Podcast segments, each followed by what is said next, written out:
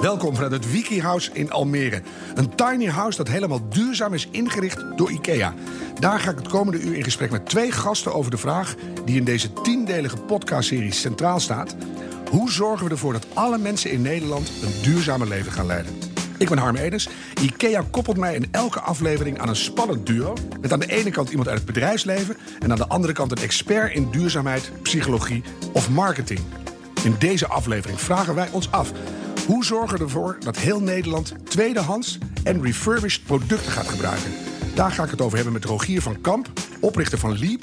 Een bedrijf dat refurbished Apple-producten verkoopt. Ja, je moet er actief en bewust mee bezig zijn. En ook weten dat je niet alles in één keer kan doen. Je kan het ook vaak niet betalen als organisatie. Maar je kan wel besluiten wat je daar dan uitpakt, wat je als eerste gaat doen. En Babette Porcelein, industrieel ontwerpster en schrijver van een boek over duurzaamheid met de titel De Verborgen Impact. Vooral nieuwe spullen kopen als, als oplossing uh, voor een, een groeiende economie.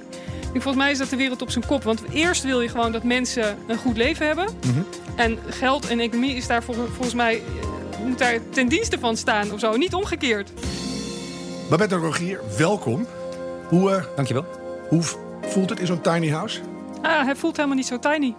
Nee hoor, ik vind hem heel erg uh, fris en vrolijk. Prettig plekje, hè? Ja. Rogier? ja, vind ik ook. Ik hoor net dat het hier uh, 38 meter is. Het voelt als uh, het dubbele. Ja, dan laten we die ruimte volhouden. Ja. Rogier, mag ik met jou beginnen? er ligt iets voor jou op tafel, een, een Mac-boek. Ja. En die is refurbished. Ja. Ja, dat kan je er overigens aan de buitenkant niet heel makkelijk aan zien. Het is ook niet heel spannend om, om hem te laten zien. Dus je mist eigenlijk niks als je het niet kan zien nu. Uh, het is een MacBook zoals iedere andere. Alleen uh, hij is geleverd door Leap uiteraard. En dat betekent dat wij die tweedehands uit de markt terug hebben gekocht. Die maken wij uh, in ons lab weer eigenlijk als nieuw en verkopen hem weer. Ja, sinds 2011 begreep ik. Ja. En daarvoor had je natuurlijk al de repaircafés. Er zaten er wat oude mannen met een schroevendraaier in een bibliotheek... een broodrooster te fixen. Wat was voor jou het beginpunt dat je dacht... dat is een markt, dat ga ik doen? Uh, nou, uiteindelijk... Uh, kijk, Apple, op, op dit moment als je naar Apple kijkt... is een serieuze grote speler op wereldniveau. Maar slechts tien jaar geleden was het nog totaal anders. Toen kwam de iPhone. En dat heeft voor Apple natuurlijk al veel veranderd. dus mijn model is eigenlijk ontstaan in de kielzorg daarvan. Dus uh, omdat Apple groot werd konden wij uh, dit product in grotere aantallen inkopen... en konden we dus ook een markt creëren om het weer te verkopen. Maar er is altijd zo'n beginpunt, hè? Dat je, ik heb mijn iPhone een keer op de brug... vlakbij Almen in de Berkel laten vallen. Dat je dacht, oh, ik wou dat ik snel een nieuwe had. Heb jij zo'n beginpunt dat je dacht... ik ga iets doen met tweedehands dingen? Ja, het is uiteindelijk ontstaan in, uh, in mijn eigen speurtocht naar een, naar een iPad 1 toen dat tijd. Uh, ik had al zelf eentje gekregen bij een krantabonnement. Dat was toen nog. Op zich is dat wel uh, grappig, hè? want uiteindelijk de krant wordt tegenwoordig vaker gelezen volgens mij op de iPad dan dat hij nog op, op papier gelezen wordt. Maar goed, toen was dat een goed idee. Uh, ik had er één en die gebruikte mijn vrouw vaker dan ik. En toen ik in New York was, toen dacht ik ik koop voor mijn vrouw een iPad zodat we er allebei in hebben. Alleen toen was net de iPad 2 uit. En toen kon ik in die winkel die iPad 1 niet meer kopen. En daar zei ik het idee ontstaan, omdat ik, ik vroeg me eerst hardop af waar zijn ze dan allemaal gebleven nu. En dus uh, vorige week lagen er hier nog 200 in de winkel en waar zijn ze nu? En uiteindelijk uh, heb ik uh, toen bedacht dat ik daar wel een uh, markt voor kon maken. Als ik al zelf niet per se altijd de nieuwste wilde. Mm -hmm. dan zouden daar mogelijk ook andere mensen voor, voor zijn en zodoende. En kon je, kon je ze terugvinden? Heb je echt deur aan deur aangebeld, iPadje verkopen? Ja, nou zo, normaal gesproken uh, uh, zou dat dan ook geen sustainable business model zijn. Hè? Want als je, als je ze één op één uit de markt moet halen... dan zou dat misschien niet leiden tot de omvang die we, die we dan nu daarin hebben. Maar het is wel in essentie hetzelfde als wat we gedaan hebben. We zijn niet bij mensen privé aan gaan bellen... maar bij grote bedrijven en bij leasemaatschappijen. Waar ze terugkwamen. Ja, ja. ja. ja dus, dus, sorry, de eerste gebruiker is vaak niet... zeker als je het kijkt in large corporate... Een, een, een, uh, de, het bedrijf die ze gebruikt... maar is vaak de leasemaatschappij die ze financiert. En daar konden wij goed onze opstart mee faciliteren. Slim. Ja. ja. Jullie hebben nou 25 winkels, als ik het goed heb, met een omzet van ruim 20 miljoen. Is dat de nieuwste update of ben je alweer verder? Want het gaat hartstikke snel met jullie. Ja, nee, wij, wij hebben dankzij ook de marktomstandigheid en het feit dat, dat zeg maar in het begin moesten we heel erg knokken om te vertellen dat het slim is om circulair te denken. Uh, in 2011, gek genoeg, uh, was dat helemaal niet zo'n bekend woord nog. En refurbishment al helemaal niet. Uh, er werd toen, geloof ik, uh, ik, ik weet niet of ik de cijfers exact heb, maar bij benadering ongeveer 300 keer per week in Nederland op Google op het woord refurbishment gezocht. Tegenwoordig is dat uh, meer dan honderdduizenden keren per dag. Dus daar is enorm veel in veranderd. Um, dus wij hebben ook door die ontwikkeling hard kunnen groeien. En inderdaad, uh, wij zullen dit jaar uh, ergens richting de 40 miljoen euro draaien. En uh, nummer 26 is net open in Delft. Dus, ja, ik zie je, ik loop alweer achter. Wat, wat ja. worden de volgende, weet je nog een paar? Worden mensen blij, denk ik? Nee, want in Nederland vinden wij dat wij met uitzondering van een paar locaties... waar we nog steeds wel graag zouden willen zitten, redelijk dekkend zijn. Dus wij kijken vooral ook buiten Nederland op dit moment. Apple is nu officieel partner. Ja. Dat lijkt mij echt een hoera-moment. Ja, nou ja, Apple is altijd wel gewoon een belangrijke businesspartner voor ons geweest. Uh, kijk, aan de ene kant, we bestaan 100 uh, procent uh, via en dankzij Apple. Maar aan de andere kant zijn we niet van ze afhankelijk... omdat we niet in de zin van inkoop of iets dergelijks iets met Apple te maken hebben. Het is meer dat Apple ook zelf heel erg ondersteunt... Hè, dat zij hun eigen footprint eigenlijk willen verkleinen. Dat ze zelf ook inzien dat daar het hergebruik van hun producten... een heel goede methode voor is. Ja, en hebben zij jullie gevonden of andersom? Nee, in het begin uh, hadden we, ook al wilde ik dat graag geen contact met Apple. Dat, dat is een moeilijk benaderbaar bedrijf. misschien vanwege de omvang, maar ook omdat ik natuurlijk geen speler van formaat was, waardoor ze ook niet echt geïnteresseerd waren. Pas later, ongeveer na een jaar, toen de tweede winkel open ging in Eindhoven, of na twee jaar. Toen, uh, toen hebben we elkaar eigenlijk uh, gevonden via eerst een telefoongesprek en vervolgens in gesprek met elkaar. Wie heb je gebeld? Met, uh...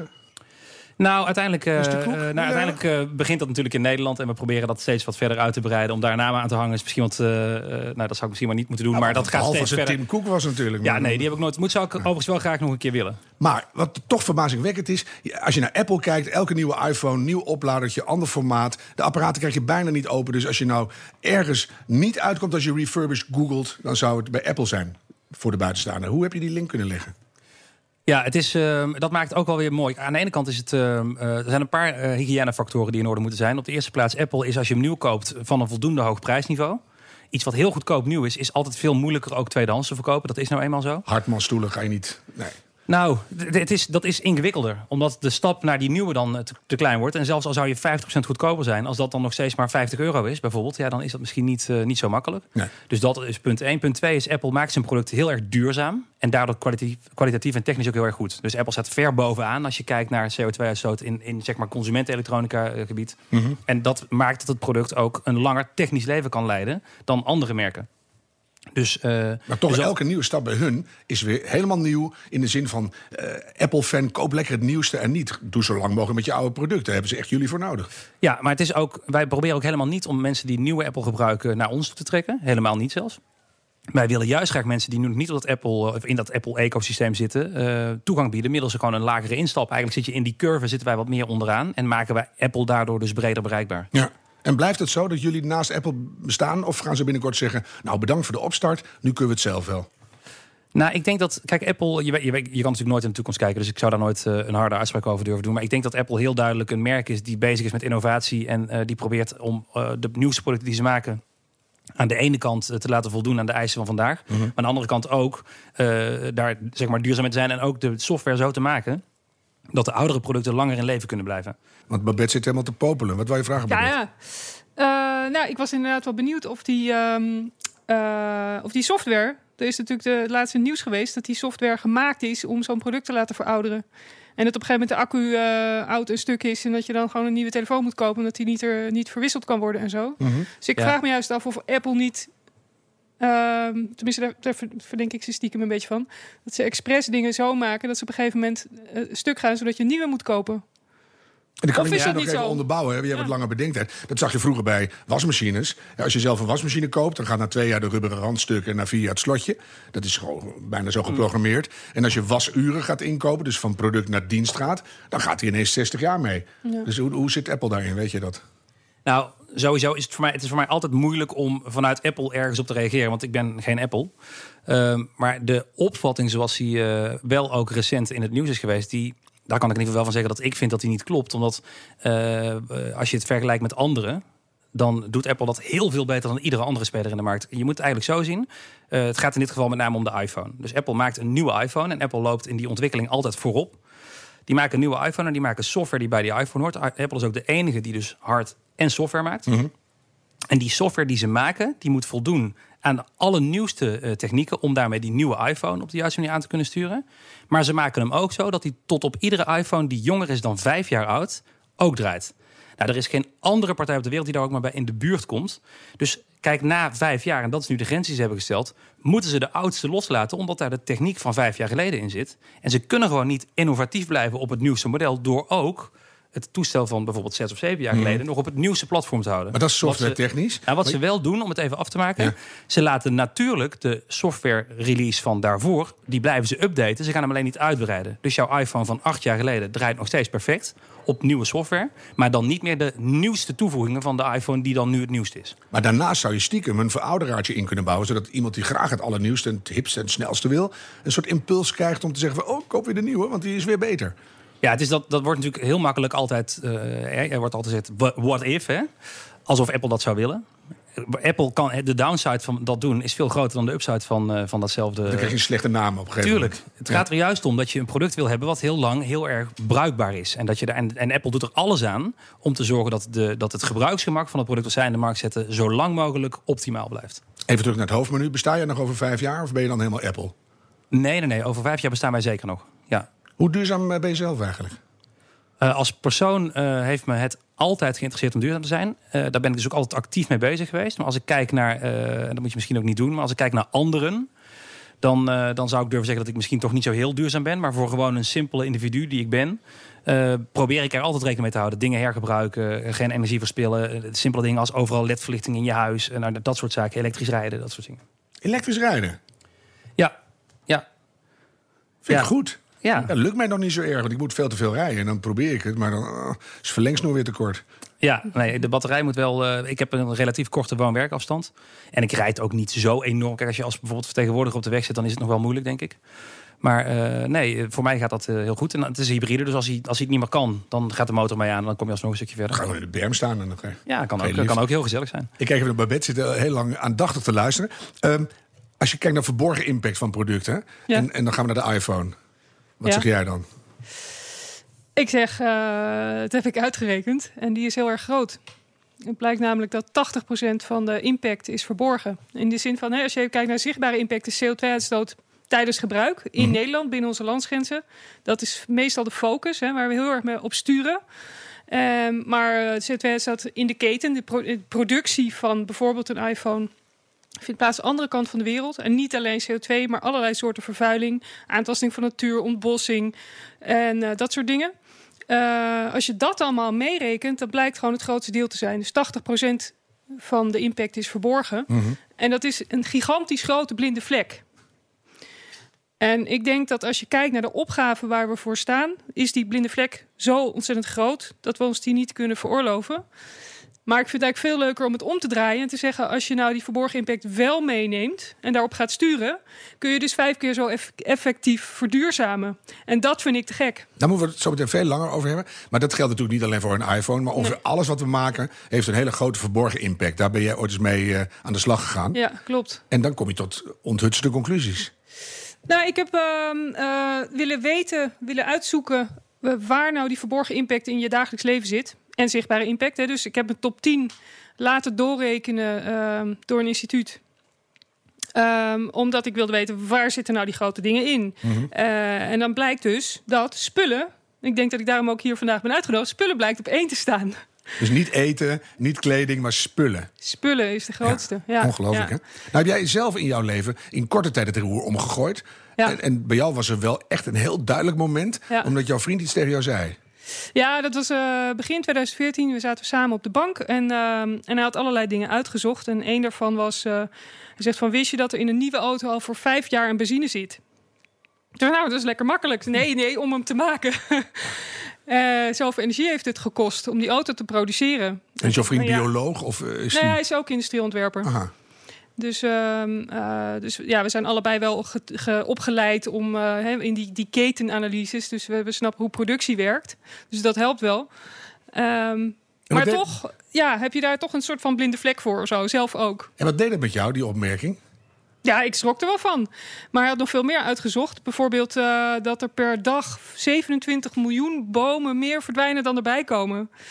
Per dag. Per dag. Nou, daar schrok ik pas echt van. Want ik dacht van, ik wist heus wel dat er ontbossing plaatsvindt, maar Mhm. niet dat het zo heftig was. En eh, hij linkte dit ook terug naar ons dagelijks leven. Hij zei van, eh, die bomen zijn super belangrijk. En, eh, en toch verdwijnen ze omdat ze ruimte, vaak ruimte maken voor sojaplantages. Dus voor krachtvoer voor ons vee. Dus voor het stukje vlees op ons bord. Bijvoorbeeld, ja. Weet je, bijvoorbeeld. Ja, maar ja. ook voor, voor ingrediënten voor de iPhone in, in Afrika.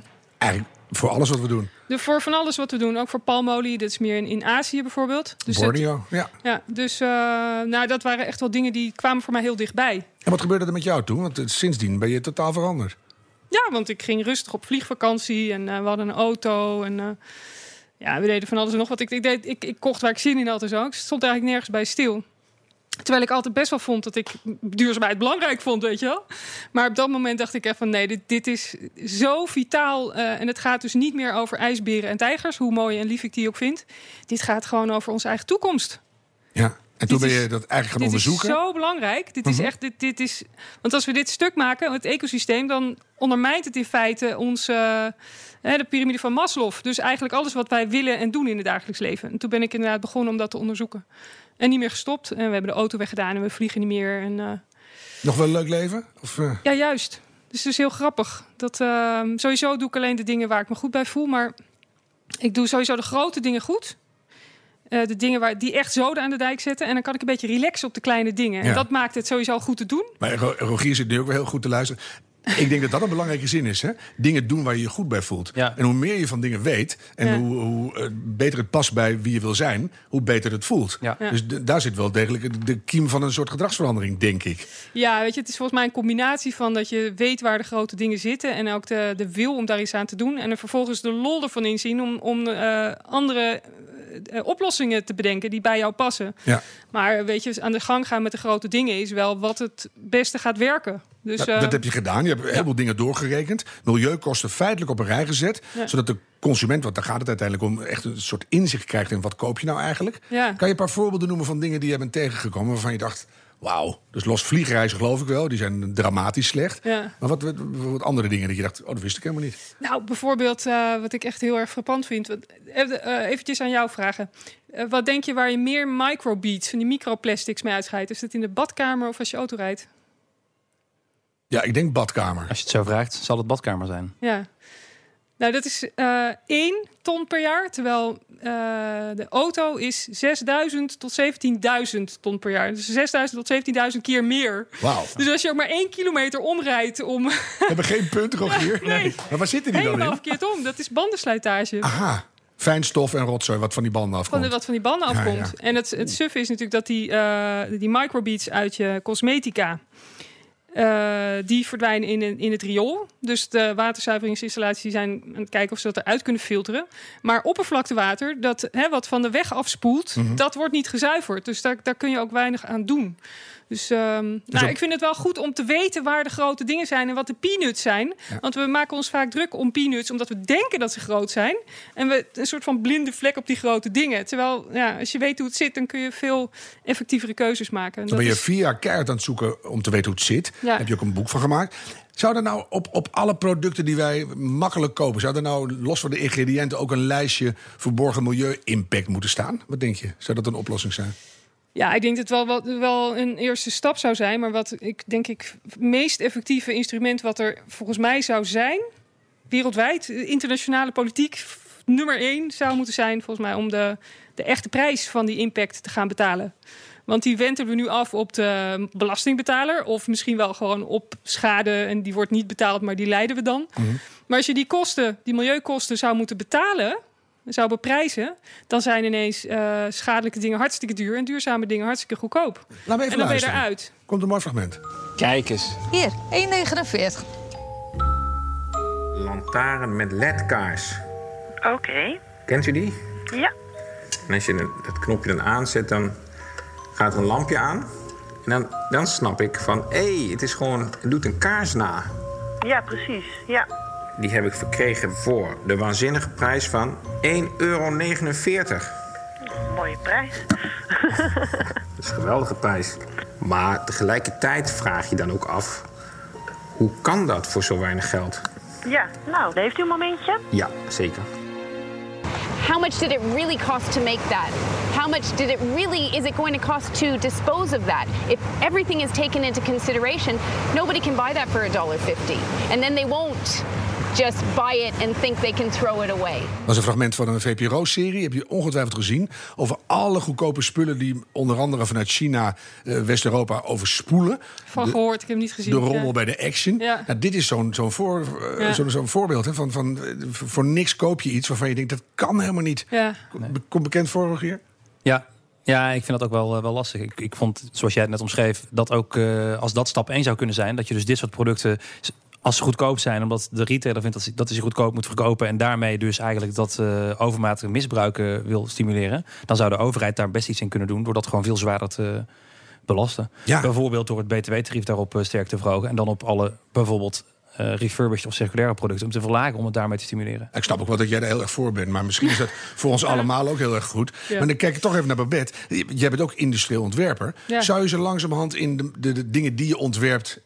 met z'n allen dat niet voorop moeten stellen? Dat dingen lang meegaan, dat ze circulair zijn... dat je er veel meer mee kan. Want Ja. gemiddelde dingen uit China... ik geloof drie seconden kinderspeelgoed of zo... stapt er iemand op krak weg. Krak weg. Ja, tuurlijk. tuurlijk. Dat is, In dat 10.000 is- jaar afbreken. Ja.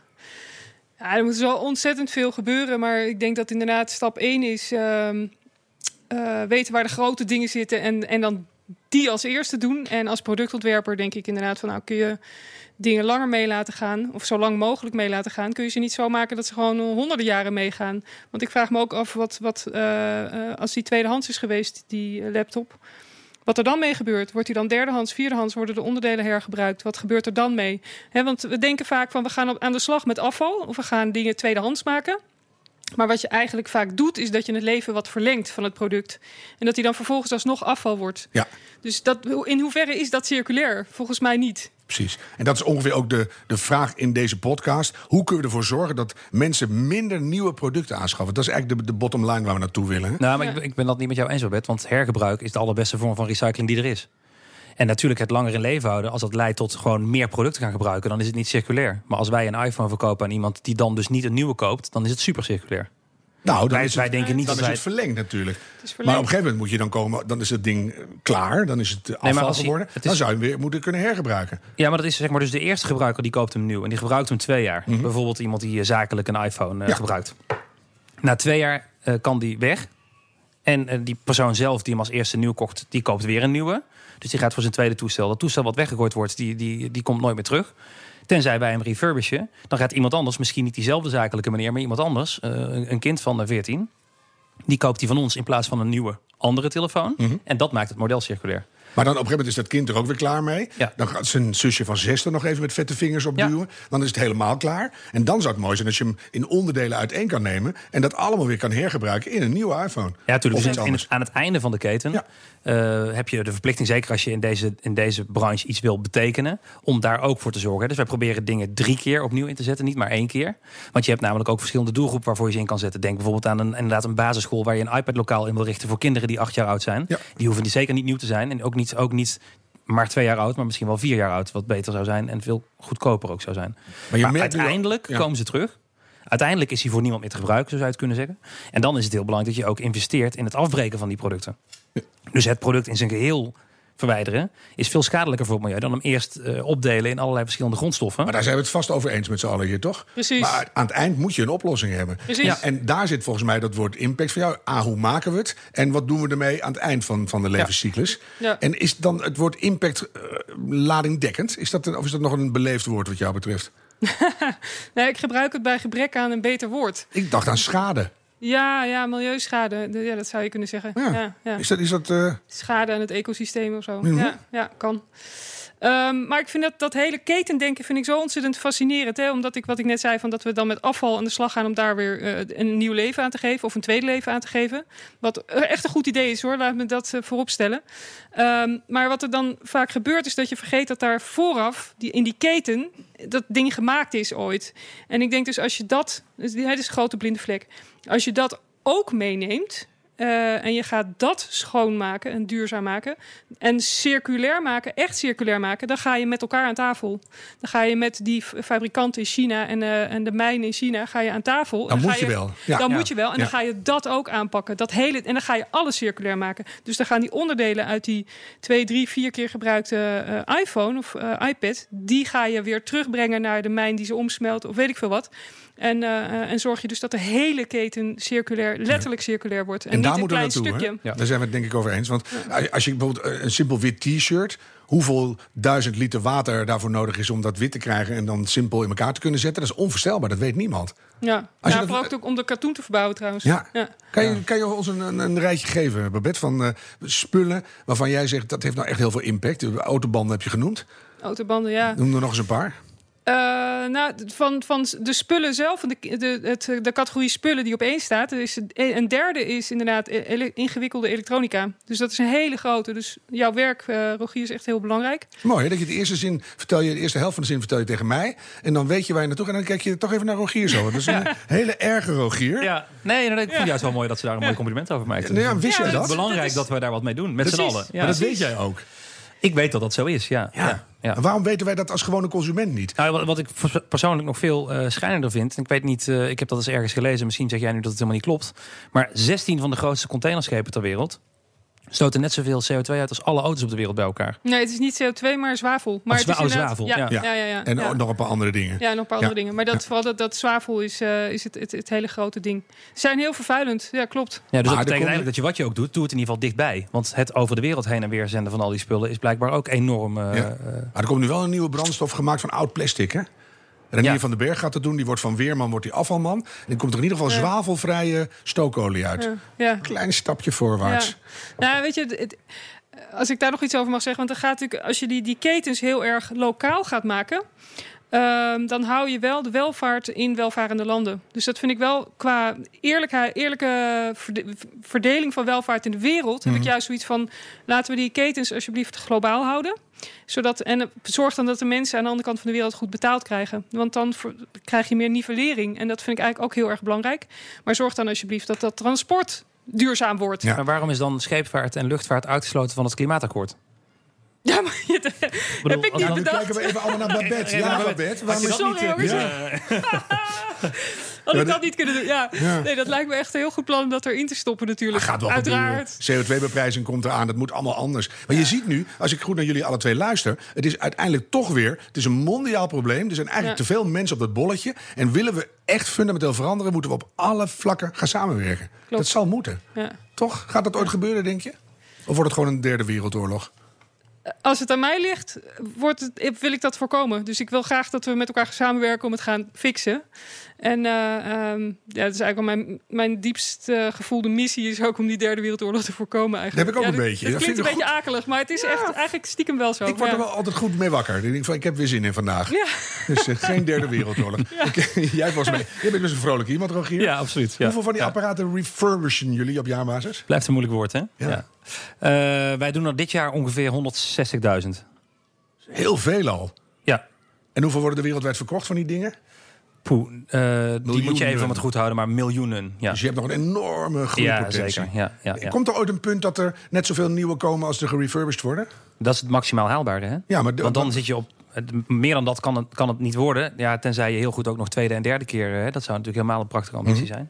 Maar wa- wanneer ben je Maar daar? Ehm, ik, eh, nou ja, als ik mijn big, eh, mijn b-hack zeg maar zou mogen delen... dan denk ik dat we binnen tien jaar daar moeten kunnen zijn. Zo. Maar nog, niet, eh, niet alleen op consumentelektronica vlak. Ik denk gewoon hergebruik in de breedste zin van het woord. Daar gaan echt nog grote stappen in gemaakt worden. En merk je dat bij de consument, die merken ineens... hé, mijn oude laptopje is nog geld waard. Dat, dat besef begint te stijgen. En ook dat mensen eh, überhaupt het gevoel hebben van... hé, tweedehands telt. Ja, en ook omdat men zich gaat realiseren dat je niet altijd het nieuwste meer nodig hebt. Het is niet zo dat mensen alleen maar bij ons kopen omdat ze eh, daarin mee willen denken eh, voor een beter milieu. Mensen kopen ook bij ons vanwege prijs, eh, logisch. Maar zeker ook omdat ze gewoon zelf graag de baas willen zijn over wat ze kopen. Eh, als ik voor mijn, eh, mijn, bijvoorbeeld mijn vrouw die wil graag een, een MacBook en die wil daar graag op internetten en een aantal andere dingen doen die voor haar belangrijk zijn. Die wil dan dus niet de nieuwste, want daar kan je veel meer op dan dat alleen. Dus die wil dan liever gewoon een MacBook van twee of drie jaar geleden. Want die is namelijk bijvoorbeeld wit. En dat vindt zij een mooie kleur. Er zijn andere zaken die belangrijker gaan worden. Dan alleen maar die ontwikkeling van de nieuwste techniek. Zoals die altijd aan ons opgelegd werd. Dan doe je vrouw toch een beetje tekort weer. Hè? Nee, ik heb altijd Vrouwen eigenlijk meer op de kleur letten dan op de functies. Maar vooruit. Nou, mijn vrouw is een styliste, dus die let heel erg op kleuren. Ja. Nou, dacht je toen je begon, eh, prijs eh, is belangrijk. Dus mensen met wat minder eh, bestedingskracht, bijvoorbeeld studenten, dat worden onze kopers. Bleek Ja. helemaal niet te kloppen. Nee, dat, dat dacht ik inderdaad. Nu proberen we dat wel weer wat harder aan te pakken door de winkel die we net geopend hebben op de TU, op het terrein van de TU in Delft. Ehm, maar studenten zijn, zijn wel geïnteresseerd in ons product. Alleen het blijkt dat studenten wat moeilijker eh, te benaderen zijn. Dus onze marketing, die we tot nu toe eh, op allerlei manieren geprobeerd in te zetten om eh, studenten of millennials eigenlijk liever gezegd aan ons te verbinden, die heeft gewoon nog niet het effect gehad dat we hadden gehoopt. Hoe kan dat? Ja, ik, ik denk, dit is, een, dit is voor retailers in het algemeen nog best wel een lastige. Ehm, eh, de manier waarop eh, studenten zeg maar, eh, omgaan met media of omgaan met het leven in het algemeen, is zo anders dan de mensen die nu die budgetten uit moeten geven. Ja. Dat daar gewoon nog wel wat licht tussen zit. Schijnt dat ze heel veel naar podcasts luisteren, dus dat zit goed. Nou, dus daarom, daarom ja. ja. Nee, daar was ik wel benieuwd naar. Want dan begin je zo'n product, dat gaat hartstikke goed. Wat wordt dan de corporate story die je daarbij vertelt? Dus is het alleen maar, hé, hey, we zijn ook heel goed en we zijn goedkoper? Of zit daar ook iets van idealisme in verpakt? Nee, we hebben wel altijd geprobeerd om, om eh, eh, eerst zeg maar echt circulair te zijn voordat we het gingen vertellen.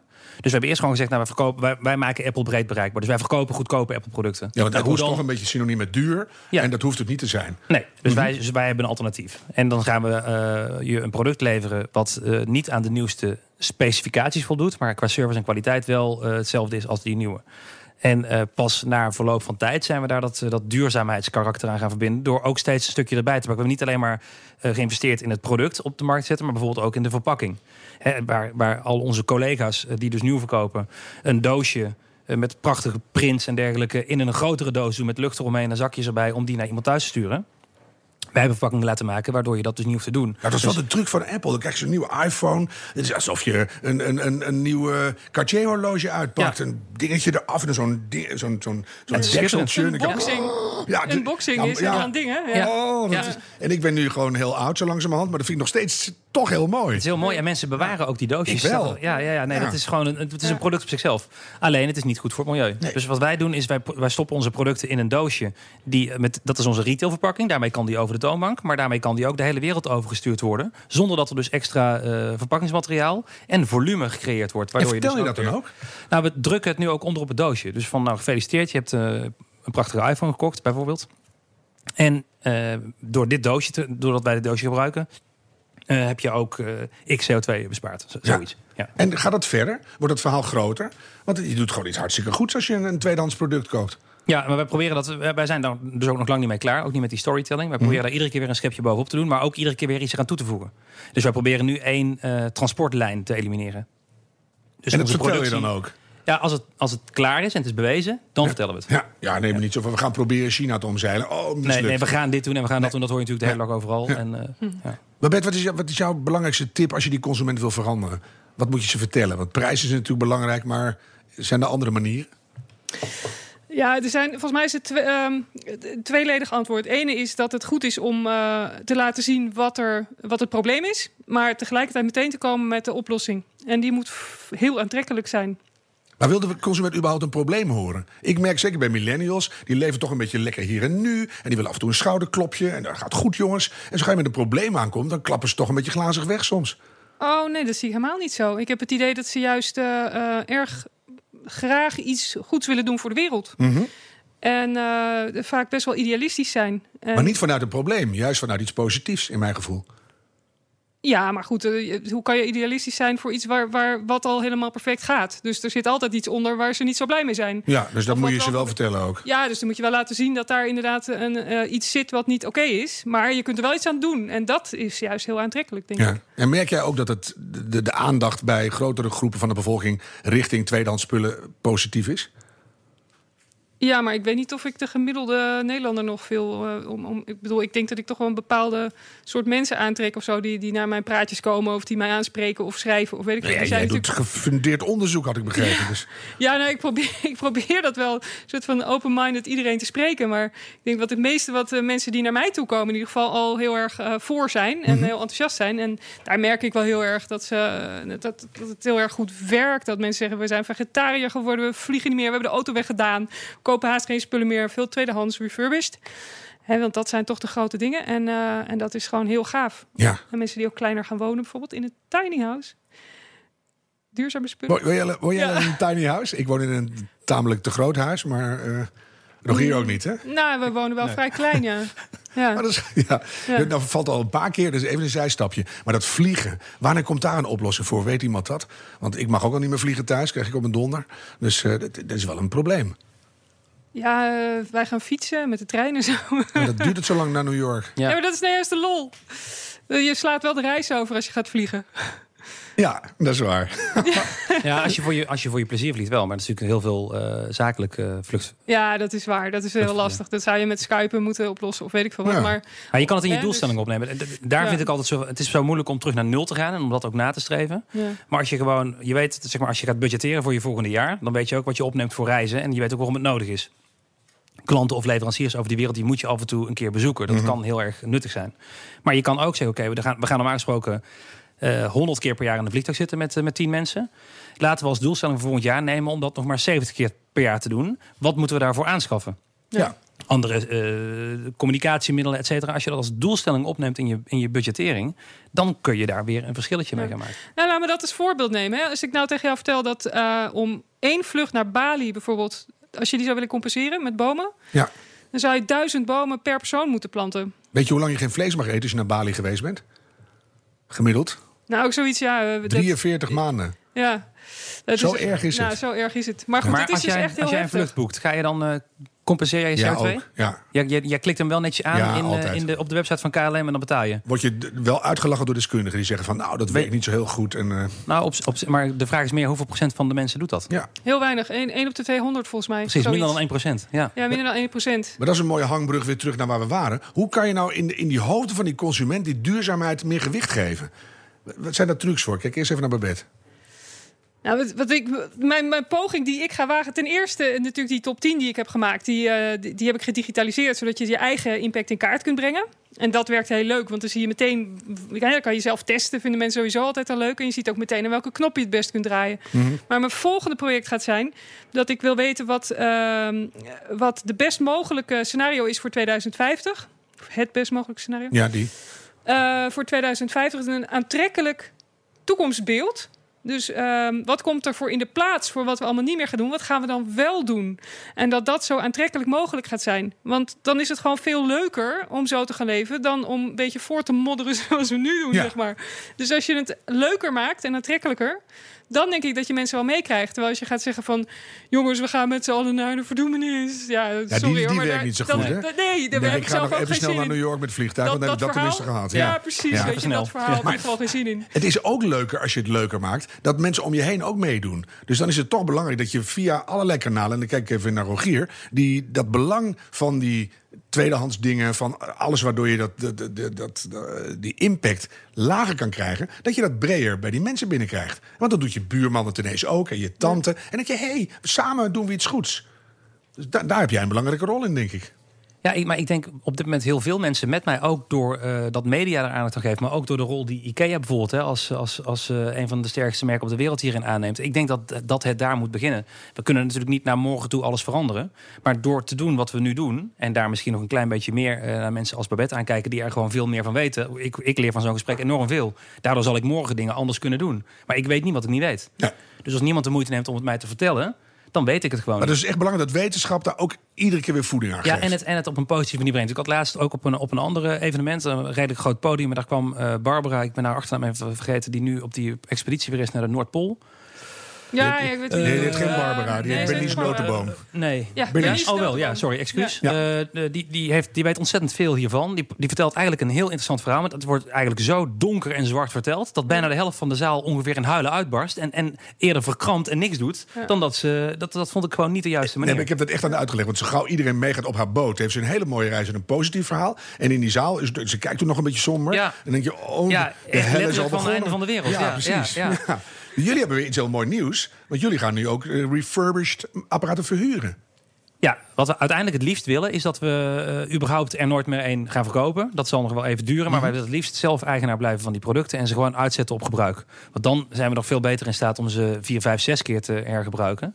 En als je ze korter eh, onder controle hebt... dus ook kunt onderhouden... dan kan je ze veel langer gebruiken. En, en is de consument er klaar voor?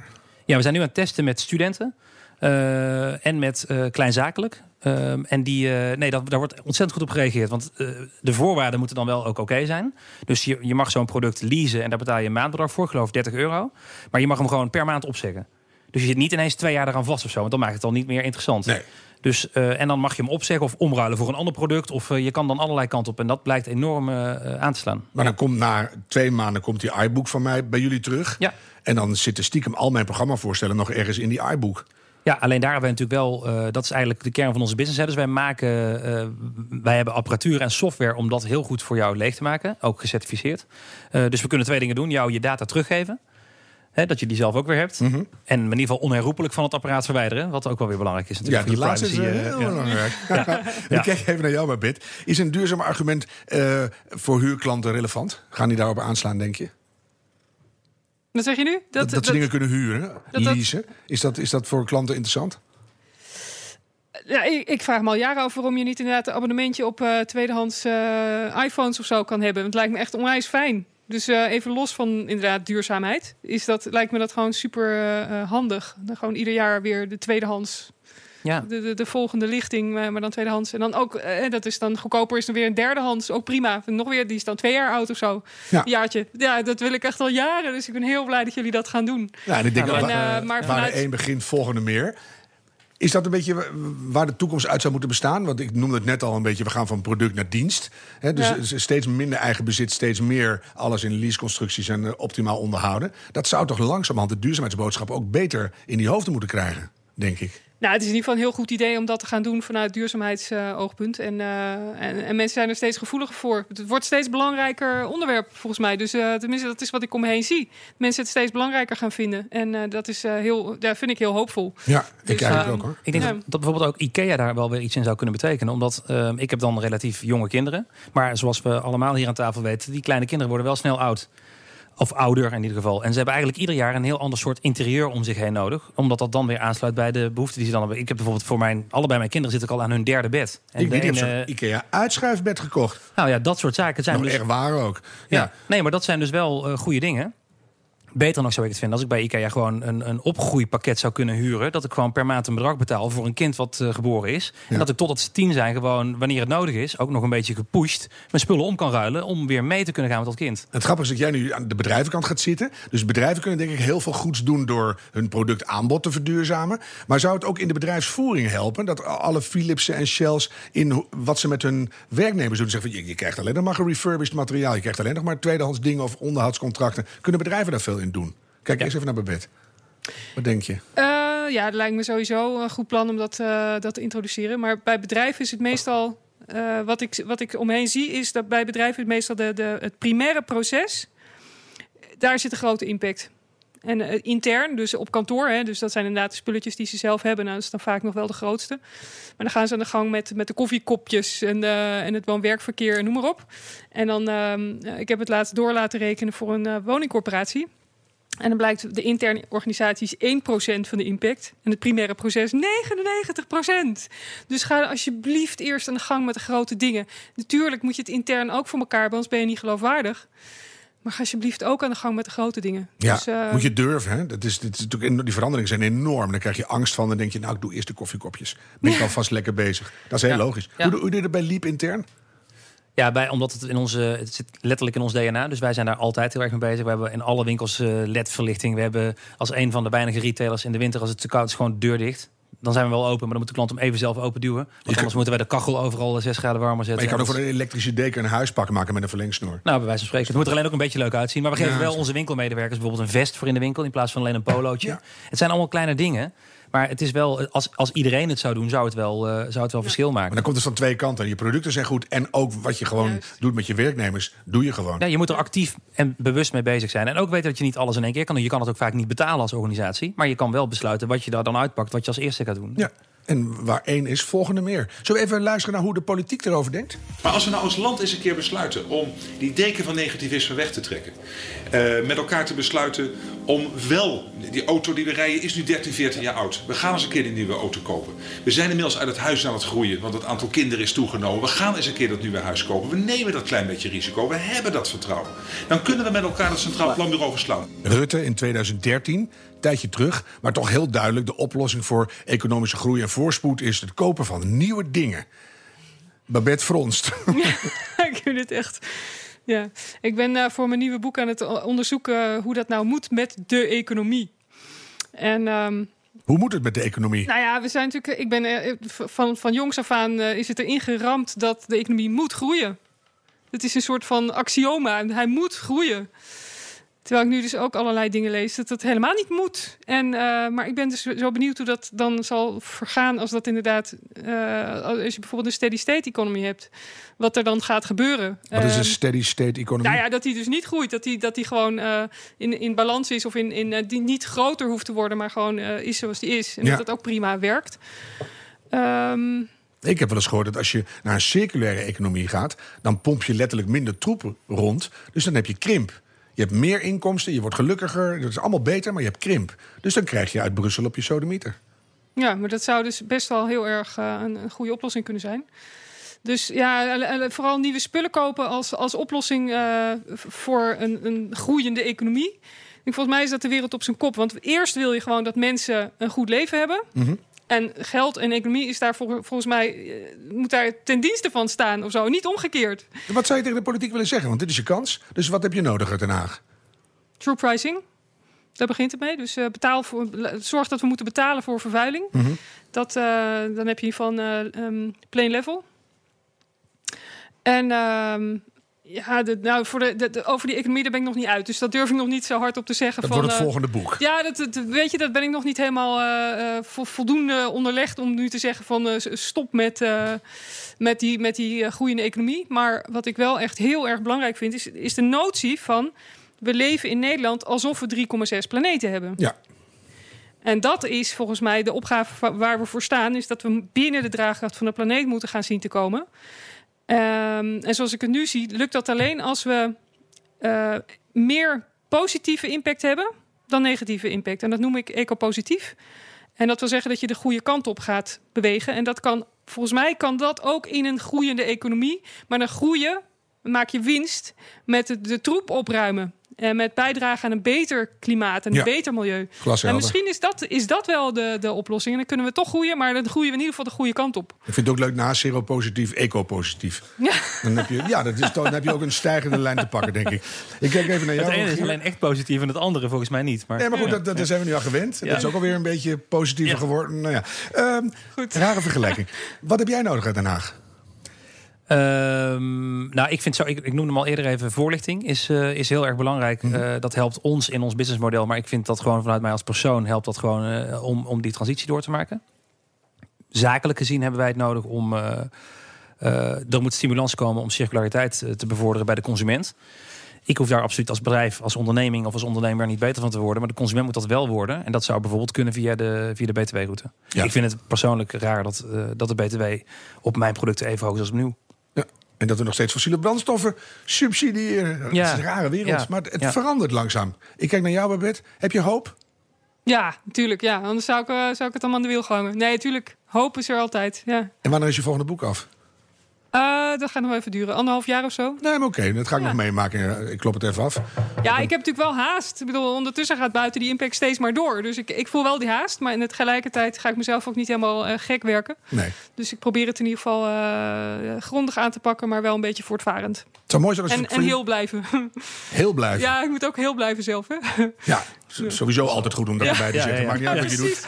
Mensen, heel blijven. Ondertussen heel blijven. Ja. Mag ik voor jullie alle twee een concrete tip? Stel je zit te luisteren nu en je denkt... morgen ga ik mijn leven toch duurzamer insteken. Ik ga veranderen. Je gelooft het bijna niet. Wat gaan ze doen? Nou, begin met je eigen impact in kaart brengen. En waarschijnlijk zijn voor de gemiddelde Nederlander zijn de grootste dingen inderdaad eh, elektronica en spullen. Dus mm, gewoon minder kopen, liever tweedehands. En maak hem even persoonlijk. Wat heb jij gedaan toen je begon? Het eerste wat je deed van, dat doe ik anders. Eh, nou, dat, daar ben ik mee begonnen. Gewoon eh, geen spullen meer kopen. Ehm, nummer twee is vlees. Van de impact top 10. Dus ik ben vegetariër geworden. Eh flexinist ondertussen zelfs. Ik probeer ook eh, minder zuivel en eieren te eten. Er nu een aantal mensen wat zitten luisteren in de auto... nu de beer mee rijdt, hoor. Maar eh, het- gewoon, gewoon eens, koop, eens, belachelijk, koop eens wat minder spullen. Koop eens wat minder Ja, spullen. dat vind ik een goeie om mee te beginnen. Rogier, wat moeten ze doen morgen? Ehm, God, nou, eh, eh, mag ik er een paar noemen? Een paar Ja. kleintjes dan? Ik ben hier natuurlijk niet zo in eh, voorbereid als, als Babette. Ehm, ik zou zeggen, ga in ieder geval één keer in de week op je fiets naar je werk... als je dat niet al deed. Want ook afstanden tot 30 kilometer, die moet ik zelf ook overbruggen... kun je prima op de fiets doen. Ga naar je garage of schuur en ga de helft wat van wat daar staat op marktplaats zetten. En koop inderdaad minder nieuwe spullen, want je hebt ze gewoon eigenlijk helemaal niet nodig. Deel of refurbish. Ja. Dank jullie wel, Rogier van Kamp van Liep en Babette Porcelein, schrijver van het boek De Verborgen Impact. Fijn dat je luisterde naar deze podcast vanuit het Tiny Wiki House in Almere. Deze heel Nederland duurzaam podcast wordt je aangeboden door IKEA. Wil je weten wat je concreet nog meer kunt doen om een duurzamer leven te leiden? Luister dan ook naar de andere podcasts in deze serie. En eventueel abonneer je je via de app van PNR. Hou hoop en doe het duurzaam.